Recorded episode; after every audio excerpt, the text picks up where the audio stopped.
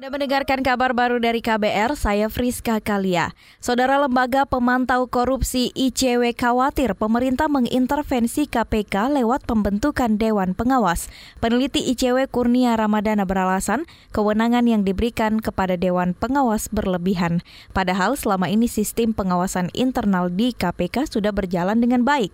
Menurutnya pemerintah tak paham cara memperkuat KPK tugasnya mengawasi sudah ada deputi pengawas internal dan pengaduan masyarakat. Kalau berbicara pelanggaran etik, maka ada mekanisme sendiri yang sudah diatur dalam undang-undang KPK yang lama. Memang tidak butuh adanya lembaga dewan pengawas. Sudah sangat cukup. Bahkan kalau kita membandingkan dengan konsep undang-undang KPK yang lama terkait dengan pengawasan internal, di dua pimpinan KPK pernah terkena sanksi etik, Abraham Samad dan juga Saud Situmorang. Ini kan menandakan bahwa tidak ada yang kebal hukum di KPK. Peneliti ICW Kurnia Ramadana menegaskan ICW tetap menolak keberadaan Dewan Pengawas. ICW tetap mendorong Presiden menerbitkan peraturan pemerintah pengganti undang-undang atau Perpu untuk membatalkan undang-undang KPK hasil revisi.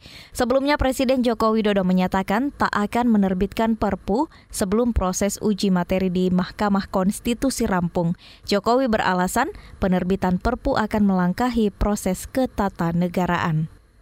Sementara itu Presiden Joko Widodo mengaku bahwa pembentukan Dewan Pengawas KPK bersifat politis. Penegasan ini disampaikan juru bicara KPK menanggapi pernyataan Yayasan Lembaga Bantuan Hukum Indonesia soal Dewan Pengawas.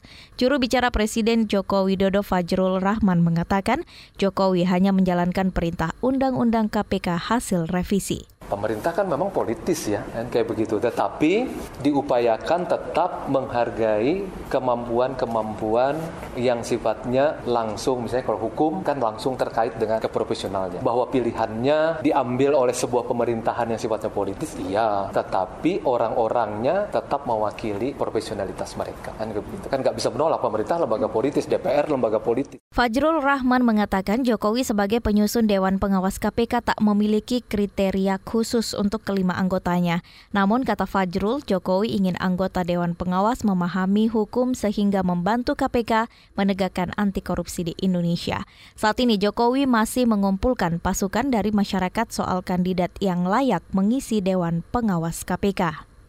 Beralih ke informasi lain, Guru Besar Pertanahan dari Universitas Gajah Mada, Maria Sriwulan Sumarjono mendesak pemerintah menegakkan peraturan tentang pengembalian hak usaha tanah dari korporasi ke masyarakat adat.